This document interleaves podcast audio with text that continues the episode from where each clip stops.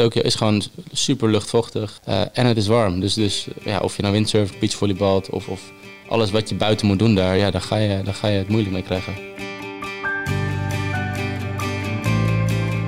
Sportcafé De Wereld is vandaag een beetje Beachhouse De Wereld. Want vandaag ontvang ik met Francisco Elson twee wereldtoppers die voornamelijk op het strand sporten en leven. Kiran Badlou werd vorige maand wereldkampioen surfen en strijdt met Dorian van Rijsselbergen om één plek op de Olympische Spelen. We hebben dezelfde bouw, dezelfde techniek, dezelfde stijl van varen. Ga je nu niet ook informatie achterhouden die zegt, hey, dit, dit voel ik nu, ja, dat ga ik niet delen, want ik heb dat straks nodig om hem te verslaan. Dat, dat is heel verleidelijk. En Christian Varenhorst is op de weg terug naar de wereldtop van het beachvolleybal. Samen met een nieuwe partner, Stefan van der Velde. Hij doet zijn ding en ik doe mijn ding. Maar in bepaalde aspecten komen wij samen en dat is het tactisch plan. Op Scheveningen praten we over kennis delen, willen winnen, sponsoring, herkenning en nog veel meer zaken. En vergeet je vooral niet te abonneren op deze podcast, want er komen nog veel meer afleveringen. Ja, we hebben ons sportcafé een beetje verplaatst van Papeno de laatste afleveringen naar, uh, naar het top zelfcentrum. Kieran, je bent hier nou ja, dagelijks, zou ik zeggen, of niet? Ja, dat zou wel moeten, maar niet, uh, nee, eigenlijk niet dagelijks. Nee? Uh, hier is de basis voor de wereldtitel gelegd, toch? Ja, dat wel. In de gym komen we hier gewoon uh, vrij wel elke dag. Maar, maar dat is vooral de laatste maand nu. En de rest van het jaar proberen we deze plek een beetje te ontvluchten. Oh, echt? Maar ja, er zijn warmere plekken op de wereld. Dus daar, daar komen we beter uit voeten. Jij zit liever in het zonnetje, zeg maar. Ja, ja, ja. Dat, dat heb je hier heel mooi in de zomer. Maar de winter wordt toch vrij, vrij fris. Dus dan, dan zijn we hier niet te vinden. Nee. En jij, Chris? Ik ben hier uh, elke twee dagen één keer om uh, krachttraining te doen. Uh, zeker in de winter. in de zomer probeer ik ook lekker andere oorden op te zoeken. Net als Kieran. En ja, is, is krachttraining in de zomer ook een stuk minder belangrijk voor ons. Wat is het mooiste moment op de training? Is dat ochtends? Ja, ja de, de zonsopgang en de zonsondergang zijn wel echt hele mooie, hele mooie momenten. Vooral als die zon dan echt net een beetje net boven de horizon zweeft en, en eronder gaat zakken ja, die, die hele oranje lucht en dat, uh, ja, die, die, mooie, die mooie wolken die naar boven komen, dat, uh, dat geeft wel wat bijzonders. Dat is het moment dat je denkt, ik heb echt een van de mooiste beroepen die je kan hebben. Ja, dan, uh, dan voel je je redelijk gelukkig dat je zoiets hebt van, ik heb echt zo'n mooie buitensport waar ik gewoon het water op mag en ja, daar, daar doe je het voor. Wat is jouw mooiste trainingsmoment eigenlijk? In het buitenland. Daar staan we meestal buiten. In Nederland is het zelden dat we buiten staan. Word je in het buitenland echt beter dan in Nederland? Nou, wat het vooral, vooral is, is dat we effectiever kunnen trainen. Weet je, als het hier kouder wordt, ehm, vooral bij het windsurfen, we kunnen niet met handschoenen gaan windsurfen, want we hebben gewoon het gevoel in onze handen nodig uh, en we kunnen geen schoentjes aan doen, omdat we echt die, die directe feel willen hebben met dat board. En dan ja, ben je gewoon beperkt. Dan kan je een half uurtje tot een uurtje trainen in de winter. En dan, ja, dan verkrampen je armen, dan je voeten gaan tintelen.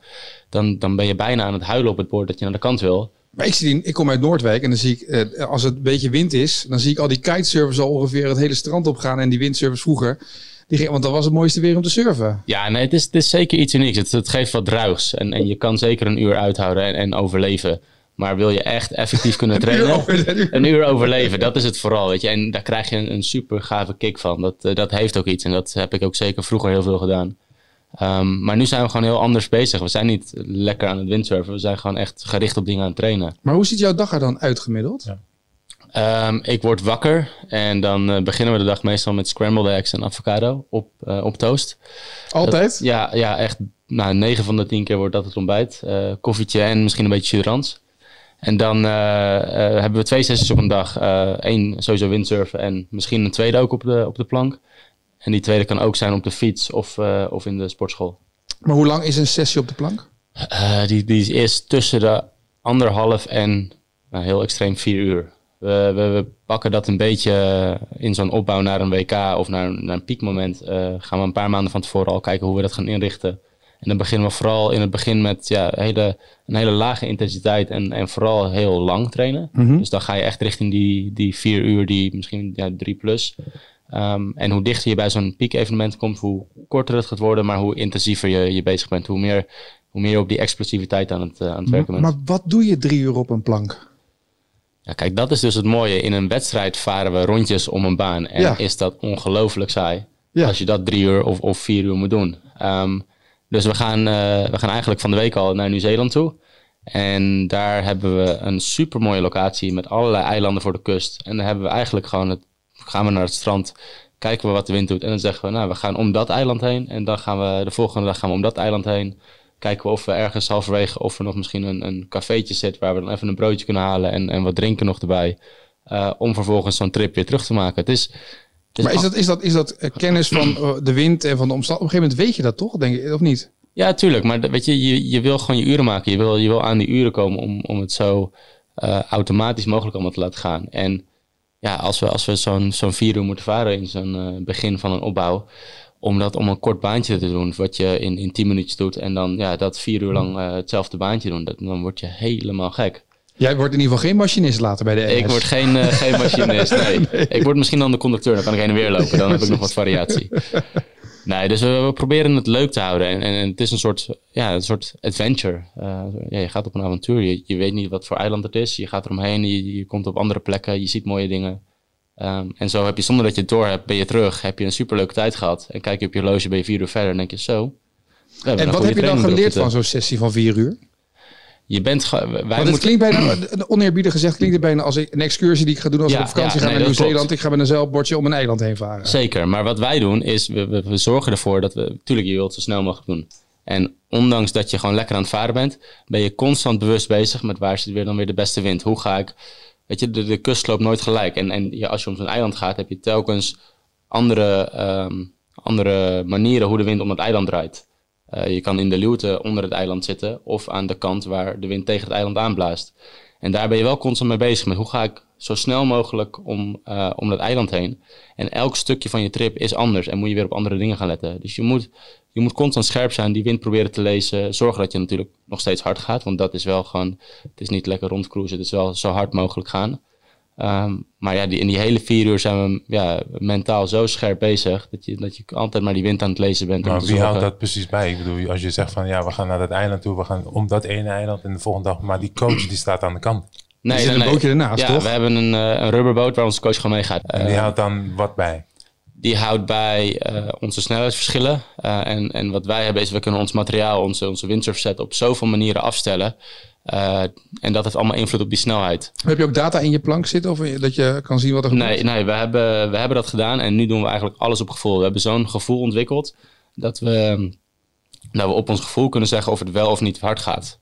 En doordat we samen met, nou, samen met Dorian zijn we allebei vrij goed en kunnen we dat ten opzichte van elkaar heel goed lezen. Als ik het gevoel heb dat ik hard ga, maar ik ga minder hard als, als dat hij gaat, dan gaan we bij hem polsen van nou, wat, wat heeft hij anders dan ik? Waardoor hij wel lekkerder loopt. En maar, maar heeft dat ook te maken met gewicht? Ik bedoel, ik neem aan dat jij ten opzichte van Dorian misschien...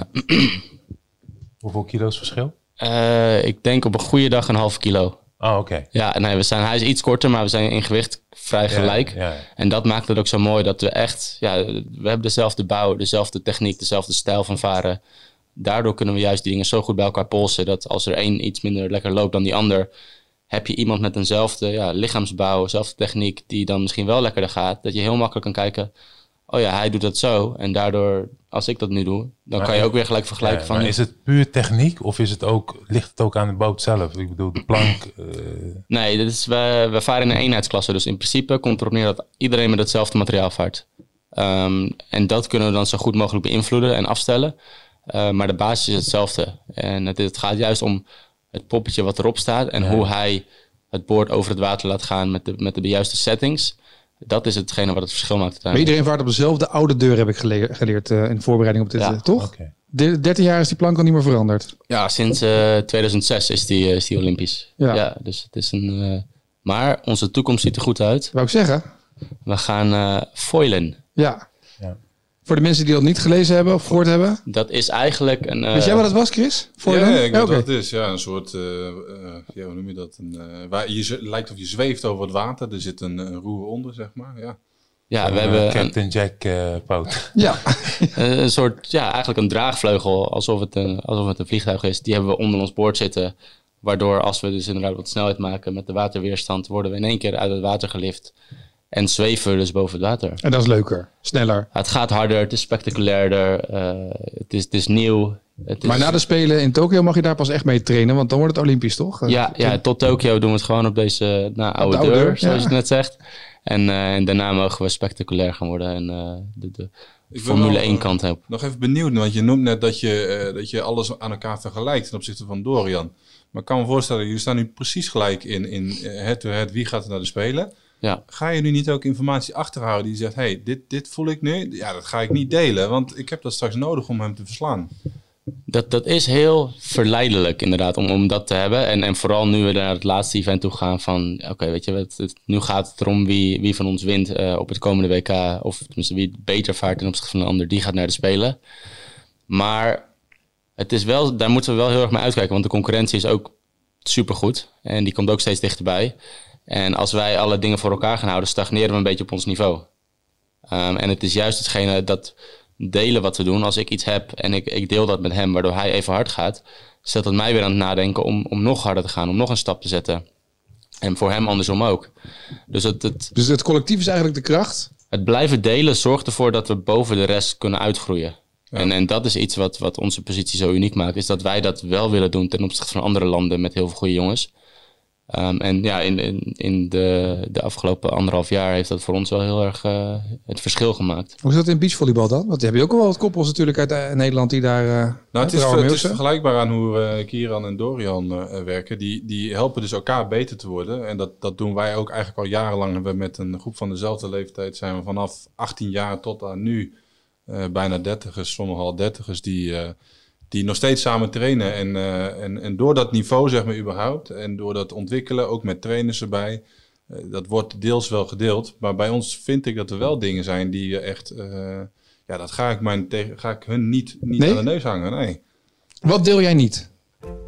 um, zeg dat maar even, ja, zodat we ja, luisteren. Luistert, luistert niemand.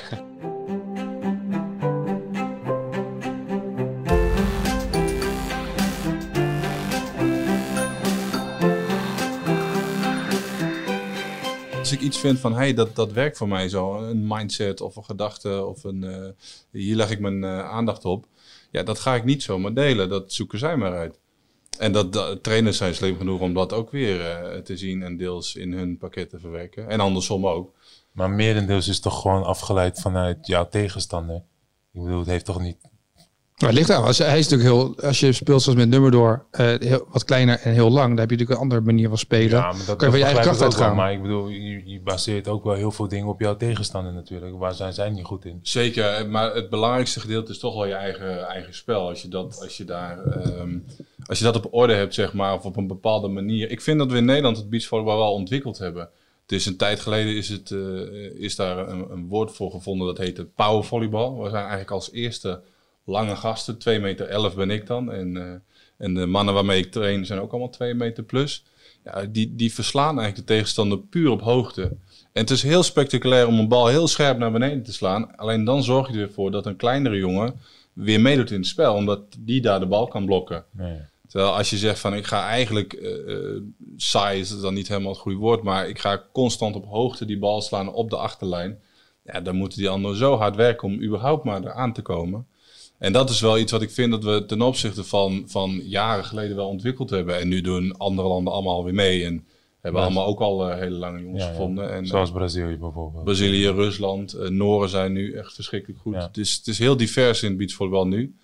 Wat zijn de ehm, aanpassingen die je daarop zou kunnen maken bijvoorbeeld? Op dat zij ook meedoen? Ja, ja. Want als jullie, jullie hebben beachvolleybal zo een beetje uh, ontwikkeld. Hè? Dat power, dat power uh, gebeuren. Ja. Met die lange gasten spelen. Ja. Maar hoe kan je daar nu op inspelen dat andere landen uh, weer verder moeten gaan denken? Nou, wat we nu onder andere proberen is toch ook datzelfde spel eigenlijk wat we zelf gecreëerd hebben, na te bootsen en dan nog weer een tandje hoger. als voorbeeld hebben we een servicemachine waar je de bal eigenlijk in doet. Dat zijn twee roterende ja, bladen. Daar doe je de bal in en die, die spuwt die bal echt knijterhard uh, naar de overkant van het net. En dan kun je een service, kun je een aanval, kun je allemaal mee nabootsen. Die, die gewoon nog harder gaat dan wat een tegenstander doet. Dus dat is weer onze manier van uh, proberen toch daarop vooruit te blijven lopen. Dus dat zijn de manieren waarop jullie dan nu trainen? Onder andere, ja. ja. Want ziet jullie schema er ook zo vergelijkbaar uit op een strandje? Lekker vier uur omheen varen, lunchen, ontbijtje op deze manier? Ja, ik, ik, ik vind het wel knap. Wij, uh, wij trainen eigenlijk met de bal echt max 1 uur, drie kwartier. En zelfs dat halen wij niet veel. Omdat, omdat gewoon anderhalf uur mag puur gemotiveerd blijven is. Uh, vind ik heel lastig. Onze wedstrijden duren ook maar gemiddeld tussen een half uur en drie kwartier in. Uh, dus dat is ook waar we voor trainen. Een half uur, drie kwartier echt volbaar knallen. En dan eh, soms twee, drie keer op een dag. Dus dat is ook de, de manier waarop we trainen, ja. Ik zie Francis, wat zit jij te kijken? Ja, eh, de concentratiespanning of concentratieboog is bij hun wat korter bijvoorbeeld. En, en dat ze twee, drie keer op een dag trainen, ja, dat uh, Hoe vaak train kijk- jij in de NBA ook alweer? één keer. Per dag? Maar Kijk, het, verschil is, eh, het verschil is natuurlijk beachvolley, of ja, beachvolleybal is een team van twee. En, en basketbal, nou, hoeveel zitten er in de selectie? Ja, 15. Ja, en die, die, wat je vaak doet, dat zal ook wel onder andere veranderen, is dat, dat die 15 allemaal op hetzelfde moment op het veld staan. En eh, Ja, maar ook meer, het is, heeft ook te maken met individuele. Hè? Je moet jezelf natuurlijk blijven ontwikkelen. En dan train je wel individueel, heel vaak. Zo vaak je zelf wilt, hè, als je wilt spelen. Maar bij, bij een training, dat ik twee, twee keer op een dag ging trainen, oké, dat kan nog net. Maar drie keer op een dag. Dat kan nog net. Ja, drie keer op een dag. Ja, ik moet ook de PlayStation nog doen en ik moet ook in mijn auto rondrijden. Nee, dus er zijn gewoon verschillende dingen die je bij het basketballen wel kan doen en bij jullie bijvoorbeeld niet. Ja, ik bedoel, wij spelen 82 wedstrijden, of wij speelden 82 Ja. wedstrijden per jaar. En als je de play-offs haalt, dan speel je 100. Dus zo vaak trainen wij ook weer niet. En, en bij jullie is het, kijk, bij ons speelde je meer op techniek. En dan kon je dat ook nog stilstaan doen. En bij jullie gaat dat moeilijk. Jij moet springen, omdat je verschillende dingen aan die bal wilt geven. eh, slagvaardigheden of weet ik hoe je dat noemt. En bij jou ook. Jij moet achteroverleunen. Jij zit er dus constant in die krachthok. En dan ben je core aan het, aan het, aan het trainen bijvoorbeeld. Maar eh, heb, jij wel, heb je wel eens gebeachvolleybald? Maar ik heb nog nooit beachvolleybal eh, gedaan. Ik ben wel bezig kijken in Rotterdam. Die ambiance eromheen vond ik geweldig. En bij ja, het surfen ben ik nog nooit geweest. Nog nooit op een surfplank gestaan. Nog nooit op een surfplank gestaan. Je bent opgegroeid in de tijd van Stefan van den Berg. Die eh medaille... Ja, Hij heeft helemaal niet naar Olympische Spelen gekeken, die jongen. Nee. Ja. nee ik heb, je vertelde net 1988 eh, medaille gewonnen en zo. ja. Maar nee, nog nooit op een surfplank gestaan. Nou, dat is een uitdaging bij deze. Ja, gaan we doen. eh. Ja, het was best koud toch? Eh, Chris, je hebt, da- je hebt succes gehad met Reiner Nummer door. Maar hoe moeilijk is het als hij stopt om de, de vervanger van eh, je partner te vinden? Dat is wel een zoektocht voor jou ik- natuurlijk geweest. Eigenlijk tot aan eh, dit jaar heb ik een zoektocht eh, daarin gehad. Ja. Zou je er een Ehm, tv-programma van kunnen maken. Ja, ja, nu dus niet meer nodig. Hadden Nee. we kunnen doen. Ja. Maar als je ziet hoeveel... Je hebt drie en Van Garderen ging heel goed. Van Garderen ging heel goed. Die koos toch voor om indoor te blijven. Ja. Eh, wa- wat ik heel jammer vond, want hij, hij, had echt, hij heeft maar drie maanden gebiedsvolleybald. Dus Francisco, er is hoop. dus hij, binnen drie maanden heeft hij, hebben we met hem de halve finale WK gehaald. Wat, wat echt bizar was, niet, niet verwacht van tevoren, eigenlijk überhaupt niet. Topkoppel Eh, en wording stond er toen overal. Ja, zeker. En eh, ja, toen heeft hij helaas anders gekozen, wat ik heel jammer vind, maar eh, zeker respecteer. Heb ik vervolgens weer een andere partner gehad. Ja, dat, dat klikt uiteindelijk niet zo. En nu dus de derde al naar, naar Reinder. En dat, eh, daarmee wil ik dan eh, de Spelen bereiken. En dat ziet er wel goed uit. Ja, want waar kies jij dan op? Waar, Ja, waar let je ja. op? Want je hebt nu Steven van der Velde als partner. Ja, dat is best wel lastig. Want ehm, in eerste instantie... eh, Je zou zeggen voor kwaliteit. Of je vult elkaar aan ergens. Zeker, natuurlijk Ja. kwaliteit, maar dat is, dat is basis. Ja. Zeg maar. Kwaliteit is basis. En dan waar ik naar zit te kijken is, is of hij net zoals ik echt, echt die gouden, gouden plak wil halen. En dan, natuurlijk, iedereen wil dat, zeg maar. En, en wat ik bijvoorbeeld in Steve heel erg merk, is, is die kan soms ook doorslaan, maar die kan echt balen als die, eh, als die een bal uitsluit. En dan soms dan, dan scheelt hij de hele zaal bij elkaar. Ja, dat is ook niet het gedrag wat je wil vertonen. Alleen dan zie je wel echt dat het vanuit het binnenste komt. Vanuit, van diep uit hem zit die motivatie. En eh, dat is wel wat je, wat je zoekt. Ehm, er zijn ook, ook veel getalenteerde spelers die uiteindelijk eh, toch die, die stap niet kunnen maken. Omdat, om, om welke reden dan ook. Ik, dat is niet helemaal behapbaar, zeg maar. Nee, die intrinsieke motivatie is het meest eh, lastig om dat te- bepalen wat iemand dan daartoe brengt, toch? Bij elke sport. Ja, ja en, en ja, de combi van intrinsieke motivatie met, met eh, eh, ehm, spanning, het hoofd kunnen bieden, cool blijven. Ja. Weet je, ja, het zijn meerdere factoren. Ik denk Maar dat weet je niet natuurlijk. Want als jij met, Zeker nu niet. met Steven gaat beginnen, je weet niet hoe hij onder spanning is. Zeker dat, dat niet. zie je pas in de wedstrijden. Ja, en daarom denk ik dat ik ook wel. Ik ben, daar, ik ben in het algemeen vrij eerlijk, hoop ik. Dat, dat is wat ik eh, ehm, in ieder geval altijd probeer te zijn. Ehm, en dat houdt ook, houdt ook in dat ik na een jaar zeg: ja, ik zie het niet meer gebeuren, wel of niet. Ik ga niet, eh, ik ga niet door met iets omdat we een commitment aan zijn gegaan.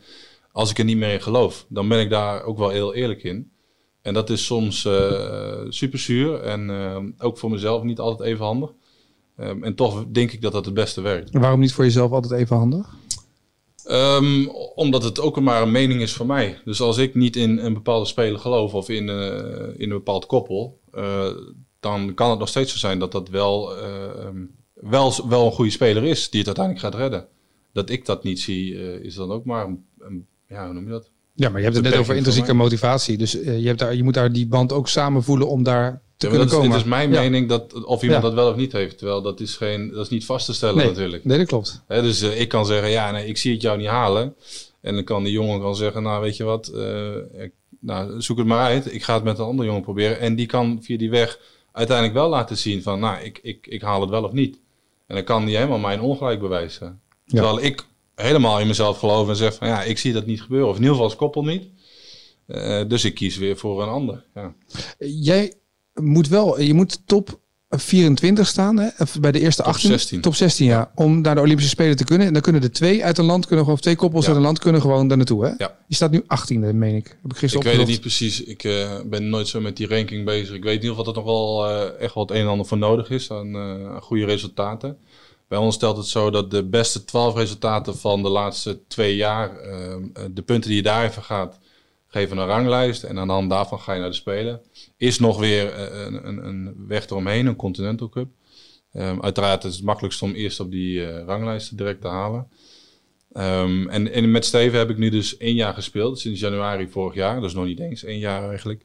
En we hebben nu eh, zes goede resultaten staan. En zes resultaten die niet goed genoeg zijn om mee te tellen. Mhm. Dus we moeten nog zes goede resultaten halen. Je weet dat je tien wedstrijden hebt om zes goede resultaten te behalen. En, en dat om daarna doel, dat doel voor ogen te hebben. Dat is echt zo specifiek, zo'n korte tijd soms. Die tijdsdruk die erop zit.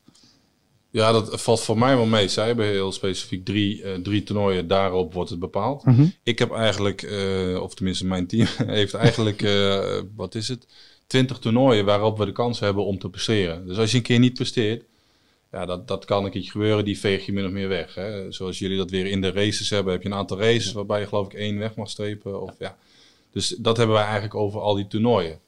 Ehm, dus je hoeft niet elk toernooi top te zijn. Uiteindelijk is het handig om al eerder resultaten te hebben zeggen, staan ja. die je later weer kunt verbeteren. En hoe sneller je gekwalificeerd bent, hoe beter het ook is in je voorbereiding, toch? Of niet? Eh, ja, zeker. Maar dat dat, is toch ook wel belangrijk om juist wel goede resultaten neer te zetten. Want je wilt op, op het juiste moment pieken, toch? Neem ik aan.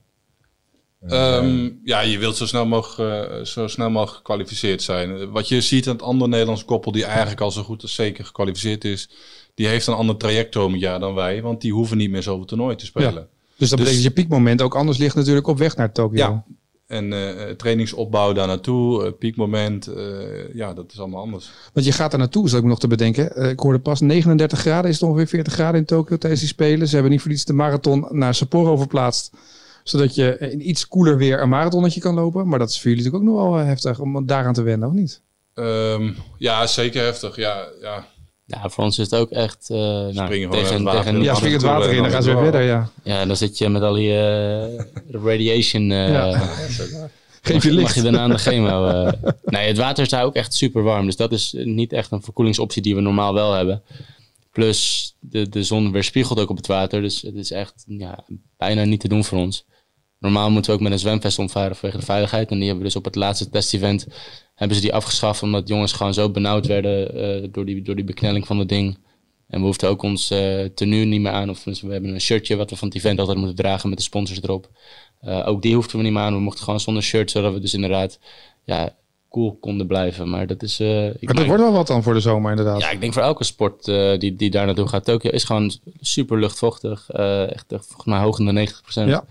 Eh, en het is warm. Dus, dus ja, of je nou windsurft, beachvolleybalt of, of alles wat je buiten moet doen daar. Ja, daar ga je, daar ga je het moeilijk mee krijgen. Ja, dat wordt wel een uitdaging. Eh, waarom ga jij naar de Spelen? Eh, omdat ik het heel graag wil. Maar ik denk dat meer Maar mensen het heel graag willen. Dorian wil het niet, zou je daar, zeg je daarmee. Nee, zeker niet. Nee, ik, ehm, Maar hoezo? Bij, kijk, bij beachvolleybal kunnen er twee landen. Ja, Ja, bij ons, eh, wij hebben gewoon pech. Nee, al sinds het begin van eh, dat windsurfen op de Spelen, eh, of tenminste bij, bij, eigenlijk bij het hele zeilen, mag er maar in elke klasse die er is, dus windsurfen is een klasse ervan, mag één iemand het land vertegenwoordigen. En dat hebben ze volgens mij zo gedaan, wat ik denk dat de reden is, omdat ze de world participation willen. Als je zal zien, als je zegt de beste zoveel gaan, dan wordt het vrij ja, Europa gebaseerd. Dan, dan lijkt het vrij dicht op een EK met een uitzondering van een paar Aziatische landen of eh, Amerika en een paar Zuid-Amerikaanse. Uh, maar ze windsurfen en zeilen ook in landen als Egypte, Zuid-Afrika, Nieuw-Zeeland. Maar die zijn niet goed genoeg om dan eh, bij de beste zoveel te komen. En toen hebben ze volgens mij gezegd, we willen wel laten zien dat overal op de wereld deze mooie sport gedaan wordt. Dus als we het ja, terugbrengen naar één per land, dan kunnen ook al die andere mensen naar de Spelen komen. En ja, dat is Dan wel krijg je een beetje cool runnings, zeg maar. Dan Dat Jamaica dat- meedoet op de Dus winterspelen. als Nederland er naartoe gaat, is het sowieso eh, een medaille. Ik, eh, dat, als alles goed gaat, wel ja. Maar dat is, weet je, heel veel landen hebben er last van. Frankrijk heeft drie goede jongens die allemaal kunnen winnen. En daar mag er ook maar één van. En hetzelfde voor Polen en Italië bij ons. Eh, China heeft ook heel veel goede mensen die, die allemaal kunnen winnen. Eh, maar uiteindelijk staat er maar eentje van. Ik denk dat het voor ons wel een soort. Het maakt die spelen nog bijzonderder dan dat ze al zijn. Ze zijn eens in de vier jaar en, en ze zijn uniek door het hele grote feest eromheen. Maar als windsurfer ja, moet je, moet je zo'n kwalificatie doorzeilen, of als zeiler Ja. eigenlijk. Je bent straks de enige die jouw land gaat vertegenwoordigen Ja, op, op de, de Spelen.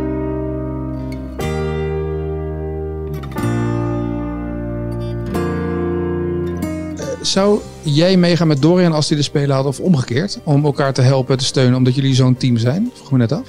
Ja, ja, we hebben de commitment uitgesproken naar elkaar dat wie er ook gaat. eh, de hele opbouw naar de Spelen gaan we ook nog steeds samen doen. Ehm, met puur de gedachte van ja, weet je, al ga ik of al gaat hij. We, we willen heel graag dat het goud mee naar Nederland gaat. En we zien nu dat we zoiets hebben gecreëerd door samen te trainen. Dat we eigenlijk onverslaanbaar worden. Ehm, dat ja, waarom zouden we, als, als de een niet gaat, een hele andere voorbereiding ineens naar, naar de Spelen doen. En misschien wel het goud mislopen. Of misschien wel het hele podium mislopen. En Mag hij, dan, mag hij dan mee als trainingsmaatje? dat mag. Ja, ja ik, eh, ik heb dat naar Rio gedaan, waar, eh, waar Dorian zich toen gekwalificeerd had. Ben ik eigenlijk tot de, tot de dag dat het begon mee geweest om alle trainingen mee te draaien. En gewoon dat, ja, dat niveau telkens te blijven pushen. En dat zien we nu dat het ja, een, een- ons in een hele gunstige positie zet. En merken we ook dat ja, als we ervoor willen zorgen dat goud sowieso naar Nederland komt. eh, dan is dit wel de manier waarop dat gaat gebeuren, ongeacht van, eh, van wie er gaat. Daarom vind ik het apart dat hij dan kan zeggen van ja, we hebben dat naar elkaar toe eh, belopen bijvoorbeeld. Want dat is waar je voor traint bijvoorbeeld, vier jaar lang. Olympische Spelen. Als je niet gaat, weet je, dan is dat super puur. Dan,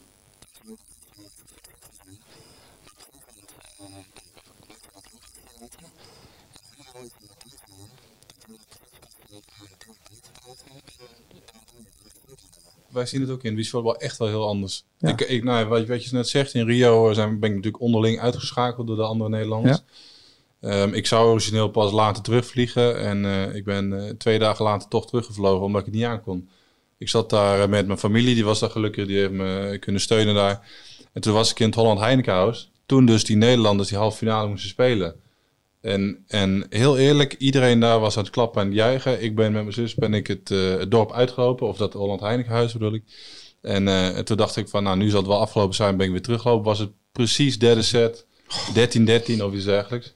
En iedereen hoopte dat zij zou winnen, iedereen behalve ik. En dat klinkt super hard en super gemeen. Ik wil gewoon niet dat zij iets gaan presteren wat, wat ik neer wil gaan zetten. ja, precies. En, dat, eh, en dat, dat is ook wederzijds. Hoor. Dat weten we ook van elkaar. Dat is de andere kant op precies hetzelfde. En ik gun het ze als eh, personen. Het zijn eh, mijn beste vrienden ongeveer. Ik gun het ze van harte. Als sporter niet. En dat kan ik op dat moment niet aan. Dus ik Jouw heb, buurman is hier volledig met jou eens. Wij hebben hier hele discussies over als we ergens naartoe gaan in de auto. Ja, Ik zit een beetje op de rij van Kieran, zeg maar. En hier zit, zeg maar... Dat is, maar dat is niet erg, weet je. Dat is wel mooi. maar ik dat vind is het toch wel mooi. mooi. dat je die strijd kan leveren. Dat je elkaar gewoon... Daardoor word je sterker. Je wordt elke dag sterker door juist die concurrentiestrijd te hebben. En niet door te zeggen van weet je wat, ik gun het jou. Nee, maar ze hebben die concurrentie dat ook. verzwakt denk ik jou. Nee, maar ze hebben die concurrentie ook, maar Ja, je ze hebben die concurrentie, dat begrijp ik, Ja. tuurlijk. Maar ik ga mij niet vertellen van... Ik ga, ja, ik ga hem niet vertellen, ik schiet beter door misschien de bal van mijn middelvinger of van mijn wijsvinger af te laten. Helemaal niet. Mijn startersplek, denk je dan. In de, Ja, maar, maar daar train ik jarenlang voor om dan te zeggen van weet je wat, ik heb een bijdrage geleverd, hij heeft goud en die goud ligt bij hem in de la en ik heb dat niet. Wat? Ja, dus dat, dat gevoel zou mij ook echt, daar heb ik helemaal niks aan. Als Nee. zij goud winnen, ja, wat heb ik eraan? Terwijl aan de andere kant, ik heb wel hetzelfde als Kieran, dat we zeggen, oké, we hebben hier een programma staan, waarbij we zeggen, de opbouw maken we optimaal. Eh, of je dan nou min of meer haalt, Ja. wel of niet. Ja. Kijk, dus, dus eh, mocht ik het niet halen en het zou het beste zijn voor het andere Nederlands team om met hun door te trainen, dan zal ik dat zeer waarschijnlijk wel doen. Het is alleen, eh, dat is de vraag of zij dat ook vinden. En ja, ja in, in, jullie geval is het heel duidelijk 1 en 2 op afgelopen beide e, WK's en EK's volgens mij ook nog. Twee WK's en een EK, ja. ja. dus dat is vrij duidelijk dat je met de beste van de wereld traint dan. Ja. Ehm, dus dat die setting het beste werkt, dus die, dat je dat blijft doen, dat begrijp ik. Terwijl denk dat Kieran dat net ook zei van ik ben ongelooflijk ziek van als ik het niet haal. Dus maar jij dat, wel... blijft even goed. weet je, dit maar dit is, maar kijk, bij hem is het individueel. Dit is een teamsport. Dat vind ik anders. Ik zou juist helemaal niks gunnen. In geen ene situatie. kijk, ik, er is heus wel strijd. Dat, dat zeg ik niet. Alleen, ik begrijp niet dat, eh, dat zij die informatie met elkaar delen. Dat begrijp ik helemaal niet. Maar hoe... hoe Oké, dan ga ik dit voor je schetsen. Hoe zou je het vinden? Ja. Dit is een soort... soort um, nou, je hebt twee opties die, die wij voor ons zagen van nou, dit, dit zijn de dingen die er kunnen gaan gebeuren. Dus we gaan los van elkaar trainen. Andere coach, allebei ons eigen ding doen. We zijn super getalenteerd. Um, wat er gaat gebeuren is we worden 4 en 6 daartussen. En nummer 4 gaat naar de Spelen.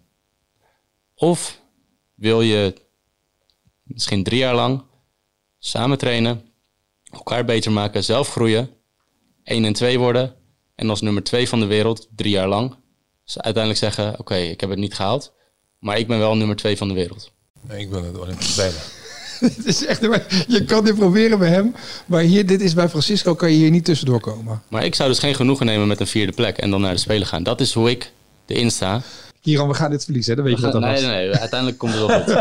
want hij, hij, hoe denk jij erover? Nee, want, nee, want ik, vind het wel interessant. Ik ben het heel erg mee eens met de opzet die Kieran zegt. Ja, dus daar, daar uh, dat, dat snap ik heel goed. Maar het delen van de informatie op het laatste stuk, dat nou, doe jij, ik kan me voorstellen dat je, als je zegt, wij zijn nu 1 en 2 van de wereld... Dat je net dat, net dat kleine verschilletje wat jou gaat helpen om straks uh, in Auckland uh, wel weer eerste te worden ten opzichte van Dorian, of in ieder geval daar beter. Hè, dat, dat je ergens toch wel, ja, misschien een slimmigheidje uithaalt. Of, uh, moet er een splitsing? Nou, het moet niet. Dat is je eigen keuze. Alleen ik vraag me af, hoe, hoe goed zou je kunnen motiveren als de ander zich kwalificeert en jij zelf niet?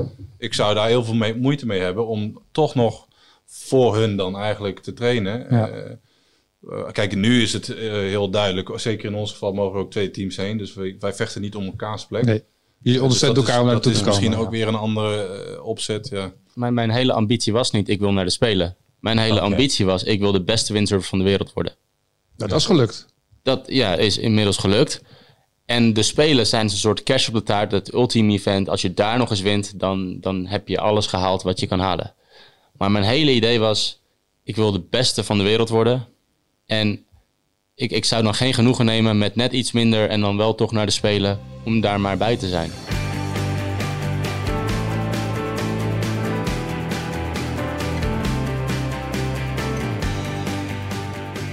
Wat maakt dat beachvolleybal bijvoorbeeld nou zo leuk dat je dat zo lang wil blijven doen en dat je niet de zaal in gaat?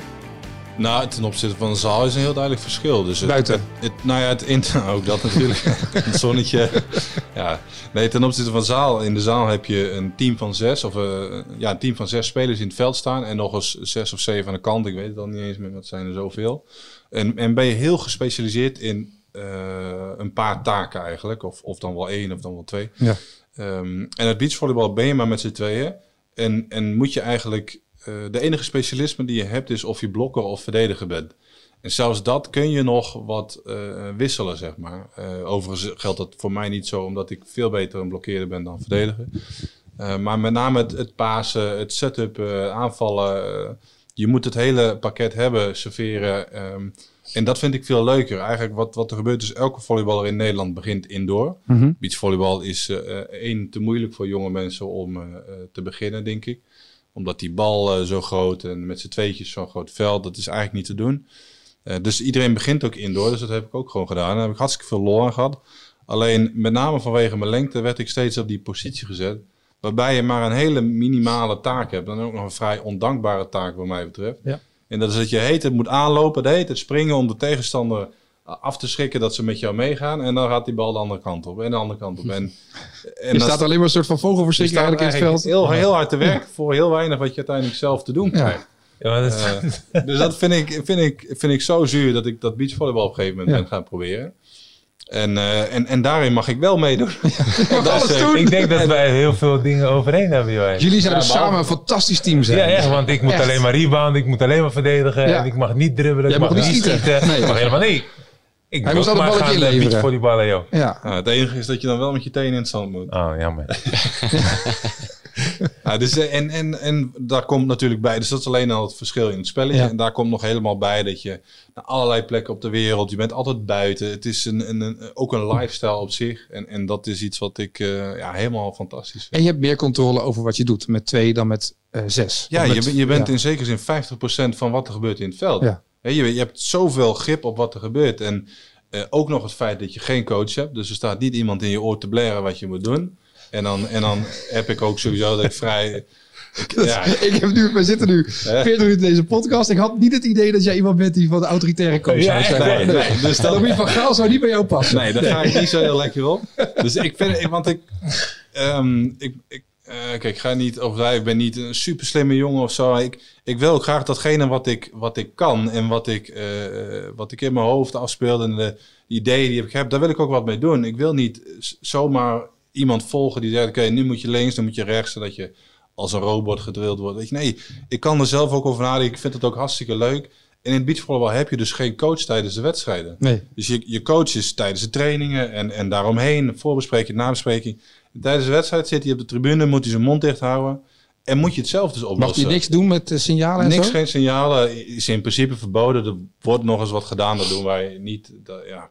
Ik vind ook, wat er dus gebeurt in de trainingen, zorgen we ervoor dat je zelf, eh, dat je dat, ook dat aspect zo erg ontwikkelt. Het tactische plan, dat je dat, ja, je leert herkennen wat de tegenstander doet en wat je daar zelf voor aanpassingen moet maken. En, en, en dat vind ik zo leuk. Ja. Ja, je bent, ja, ik zeg het al, je bent veel meer betrokken bij het spel. Maar ik las een verhaal van jou dat jij in de supermarkt, als je loopt van A, van A naar B en je loopt dan de verkeerde route, dat je gaat analyseren dat je denkt, ik had misschien iets efficiënter kunnen lopen door de supermarkt heen. Dat ja, was, dus dat was een beetje extreem, maar ja, ja. ik, ik kan echt tegen mezelf zeggen, waarom loop je nou eerst daarheen? Je moet dat nog halen, weet je. Dat vind ik, vind ik dom. En daar doe ik dan dus ook wat mee. En ik vind het fijn dat ik dan zelf dat, die, die, die zeggenschap er eigenlijk over heb. ja. Ja, ik kan eh, heel, best wel goed reflecteren, denk ik. Soms, Ja. soms iets te hard of iets te negatief vooral. Ik kan ook wel wat vaker wat positiever zijn. Daar heb ik dan weer een coach voor. dat, dat weer wel. dat dan weer wel, ja. ja. Vind je het moeilijk om positief te zijn? ja, ik ben van nature echt... eh, Je ziet wat er niet goed gaat en wat, je, eh, wat er Nou, wel... wat, wat er beter kan. Ja. En dat benadruk ik dan inderdaad als niet goed genoeg. Ja. Je kunt zeggen, het is, een, eh, het is een 8 of een 9 en je wilt naar een 10. Ja, dus dan, als je dan zegt een 8 of een 9 is een goed cijfer. Ja, ik kan ook zeggen, ja, er is nog een punt of twee te halen. En ben, jij eh, vind je, ben je eerder negatief of positief, Kieran? Ik ben wel, ik ben wel positief. Ja? Ik, eh, Ja, dat hoorde ik net. ja, buiten, maar ook buiten sport. Ik zie overal dan wel het goede van in. Wel met ook inderdaad, nou, wat Chris heeft, een blik op. Nou, het kan altijd beter. Mhm. Maar ik benadruk dan wel van, we zijn vanaf hier al naar hier gekomen.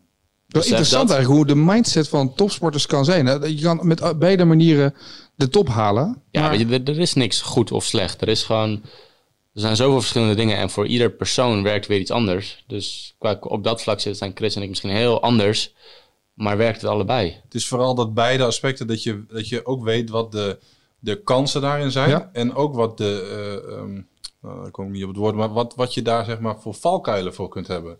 Dus, dus het feit dat ik eh, eerlijk en negatief ben, is, is niet, niet goed of fout. Ik weet dat een kans daarin is dat ik me elke keer eh, de dingen kan vinden waar ik in kan verbeteren. Ja. Valkuil is dat als het wel heel goed gaat, dat je nog steeds op zoek gaat naar iets wat beter kan. Ja, weet je, dan, dat is, dat, dan kun je oneindig door blijven gaan. Met blijven door de supermarkt lopen. Ja, en dan kan je Ja. dus van, van een, een niveau, stel dat kan dus echt in de wedstrijd gebeuren. En dat is ook wel gebeurd in het Ja. verleden. Als je, nou, dan noem het eens in een cijfer, een 8 of een 9 speelt.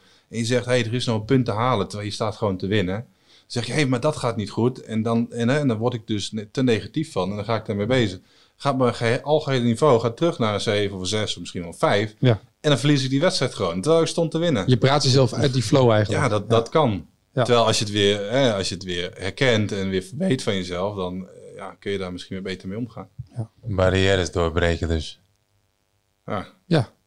Op weg naar de top. Ik, voor mij gel- betekent het voor mij dat je jezelf goed kent en, eh, en ook situaties herkent. Maar dan, maar dan, hoe gaat jouw teammaatje daarmee om? Ja, dat is heel belangrijk dat je inderdaad dat van elkaar weet. Nou, oké, ik schets het nu wel overdreven. Ik ben, ben van nature meer negatief dan positief. Ik ben niet echt een azijnzeiker. eh Je bent geen Derksen. zo. Nee. Nee, precies. Dus eh, ja, en, en eh, hoe, hoe wij in beachvolleybal ermee omgaan, in ieder geval in mijn team, is, is het zo dat hij doet zijn ding en ik doe mijn ding. En, maar in bepaalde aspecten komen wij samen en dat is het tactisch plan. Omdat hij een heel ander persoon is ook dan ik. Dus stel, Kier en ik zouden misschien heel goed kunnen in één team kunnen.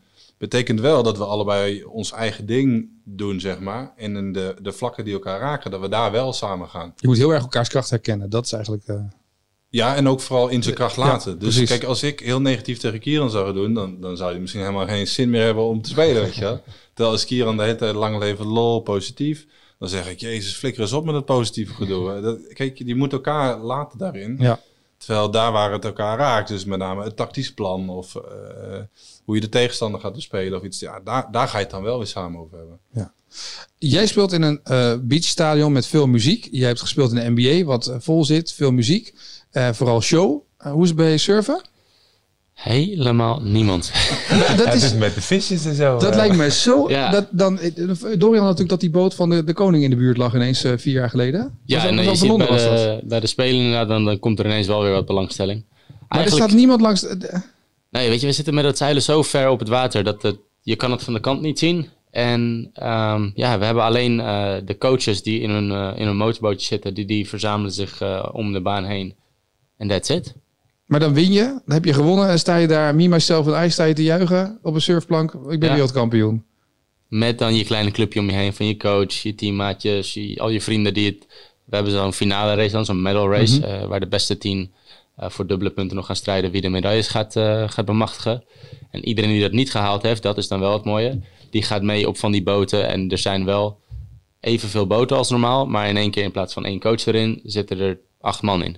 Dus dat geeft wel een, een iets Je hoort wel iets dan vanaf... Ja, je oké. hoort, je hoort Ja. wel wat gejuich. En dat, maar dat is voor 20 minuten van, van de hele week. Ja. Eh, de rest van de week heb je gewoon die coaches die eh, lekker stil in de boot zitten, die verder niks zeggen.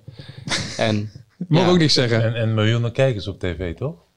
Nee, ook niet eens. Nee, weet je, we krijgen... tijdens de Olympische Spelen. Dan, Ja, dan dan ineens wel. Ja. Maar eh, ja, het is heel normaal. Ik denk dat dat ook met beachvolleybal is. We krijgen, als we heel veel geluk hebben, een minuutje bij de NOS. eh, als we een keer een goed event hebben gedaan. Nou, je bent wereldkampioen geworden. De- je komt terug in Nederland. En hoeveel eh, televisie- radio optredens heb je daarna gehad? Ben je overal uitgenodigd? Nee, niet, een- nee, niet eens. Eh, een paar. eh, op, een, eh, op, op, op twee handjes op te tellen. Echt waar? Ja. Was dat anders geweest, vroeg ik me af, als Dorian wereldkampioen was geworden met twee Olympische medailles? Maakt dat dan nog verschil? Zit hij dan wel je bij Bo aan je- tafel Je, en, ziet eh, wel dat hij gewoon een, een... Hij heeft al een profiel gecreëerd in Nederland. Ja. Ehm, hij, heeft, hij is wat bekender. Hij gaat wat langer mee.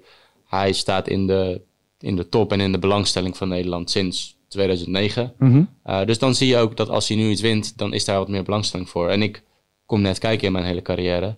Uh, ik ben eigenlijk nu waar hij was in 2009 of 2010. Uh, we gaan net beginnen. Ja. We doen het goed en vanaf nu gaan we het doorzetten. Het is iets waar je, ja, je kan jezelf pas gaan neerzetten als je inderdaad zoveel goede resultaten hebt en die bekendheid bent gaan krijgen. We hebben ook vorige keer over zeilen gesproken. Het is allemaal daar op zee. Weet je, je ziet er weinig van. Het is moeilijk te volgen. Je moet weten Ja. wat er gebeurt. Doordat je dan eh, met Deltaloid een sponsor hebt gehad die daar jarenlang veel geld in heeft gestopt, is heel mooi. Maar voor sponsoring is het natuurlijk ook super lastig om daar geld Ja, voor het binnen te krijgen. Dus uh, je, je gaat investeren in een product wat, wat je nergens eigenlijk te zien krijgt. Ja. Behalve op bepaalde gelegenheden en je kan er super mooi gebruik van maken. Maar het is gewoon lastig. Ben je als eh, eh, wereldkampioen nu benaderd door allerlei partijen ook op te, te sponsoren gelijk? Nee hoor, dus als iemand luistert die mij nog wil sponsoren, Ja? bij deze. Maar het, is dat zo moeilijk om als server... eh, eh, Ja, maar dat is wat we, ja, Ja. precies wat je net zegt. Je, je doet iets super moois, maar niemand ziet het. Ehm, je moet echt, echt zelf je marketing gaan creëren. En dat is of inderdaad een fotograaf mee naar buiten nemen. Wat ook gewoon ingewikkeld is, omdat je niet je, je trainingssessies wil. eh, vastleggen. ja, nee, nee, niet eens En onderbreken. Je wil ze niet onderbreken Ja. daarvoor. Ehm, dus het is gewoon eh, voor ons een, een, een moeilijk onderwerp. ja. En, eh, hoe is beachvolleybal? Nou, We zitten hier gesponsord wel binnen met eh Dela en Ja, dat is allemaal niet voor mij natuurlijk. Dat is van het programma. Nee, ik wil dan wel. Ik, omdat je stelt net ook de vraag over of eh, dat anders zou zijn als Dorian zou winnen. En Ja. dat is wat ik ervaren heb in, in beachvolleybal. Dat het eerste toernooi dat ik dus won met Rijn de Nummerdoor, stond er gewoon letterlijk op teletext: Nummerdoor wint weer. En ik werd gewoon niet eens genoemd. En dat is, dat is wel een beetje. Dat is niet gek eigenlijk ook. Want Ja, de pioniers krijgen altijd in eerste instantie ja, en daar waarvan Ja. ook een, een, een profiel opgebouwd Ja. is. Dat, hè, dat is wat mensen kennen. Eh, dus, dus zo werkt het ook een beetje. Ik vind het wel ergens wel jammer, want uiteindelijk zou je ook kunnen zeggen: hey, Nederland wint. Hè, dus, Ja. en, dan, en dan die naam direct erbij. Eh, kijk, uiteindelijk stond het wel in het stuk hoor. Ehm, dus ik vind, ik vind het wel jammer dat Kieran niet direct de aandacht krijgt die een wereldkampioen verdient. Nee. In de, in de hele media tegenwoordig, en ik, weet, ik ben er geen kenner van, dus ik kan er eigenlijk ook niet over spreken. Maar ik denk dat het vooral over verhalen gaat, meer dan echt Ja. over prestaties. En weet je, als jij laatste wordt, maar je hebt een supermooi verhaal over hoe je iets overwonnen hebt en dat is, is super gaaf, Ja, ja. dan gaan ze eerder dat ehm, Oppakken, oppakken. Omdat ze niet weten wat de resultaten zijn. Ja, natuurlijk. Moet maar zo'n goed verhaal gaan verzinnen. Maar jij hebt natuurlijk wel een verhaal nu met, met, met Stefan met waar je mee speelt, toch? Dat is wel een verhaal. Dat gaat nog wel wat een verhaal worden als je naar spelen gaat, of niet?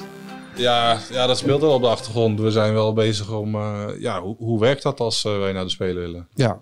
Dat eh, aan alle kanten. Dus, eh, Want voor de duiken, even om het, eh, we hoeven niet het hele verhaal op te raken, maar hij is veroordeeld in Engeland eh, voor eh, seks met een minderjarige. Dat, Daar heeft hij zijn straf voor gehad. Ja.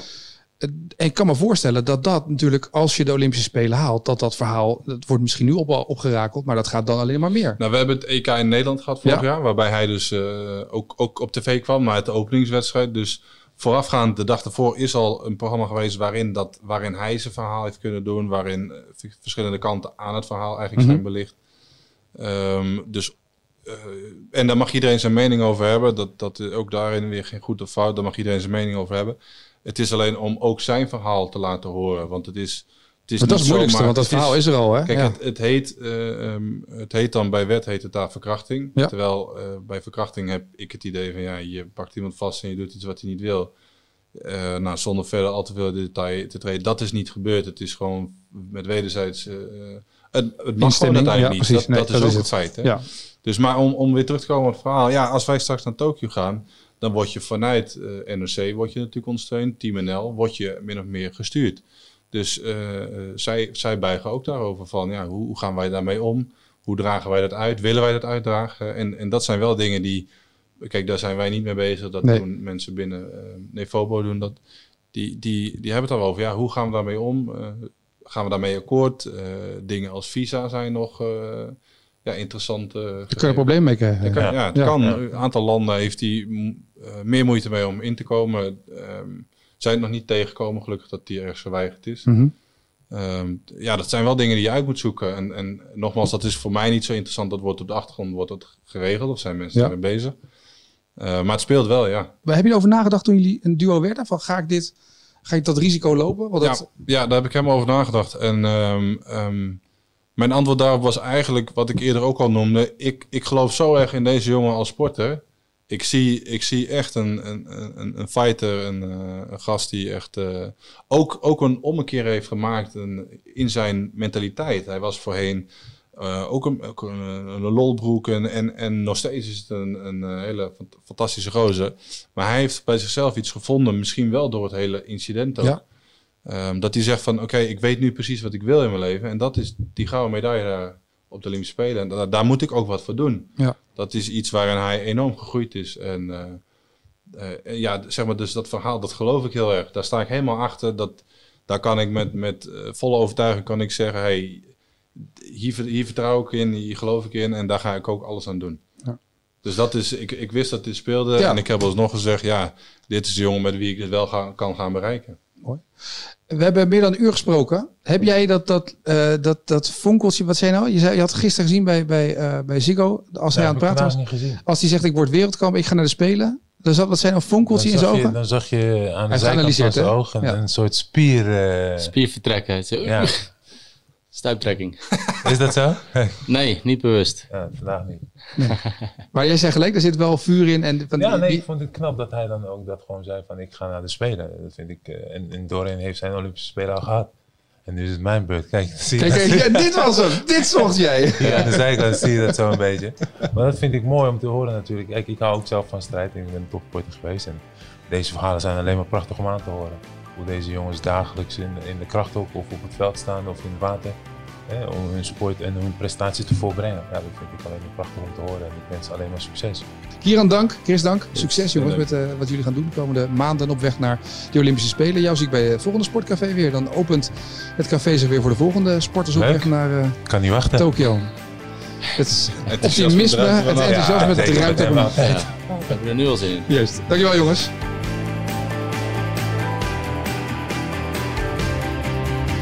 Tot zover dit Sportcafé. We zijn er binnenkort weer met twee nieuwe topsporters op weg naar bijvoorbeeld de Spelen in Tokio. Vergeet je vooral niet te abonneren op deze podcast. Dan word je automatisch op de hoogte gehouden wanneer er weer een nieuwe aflevering is.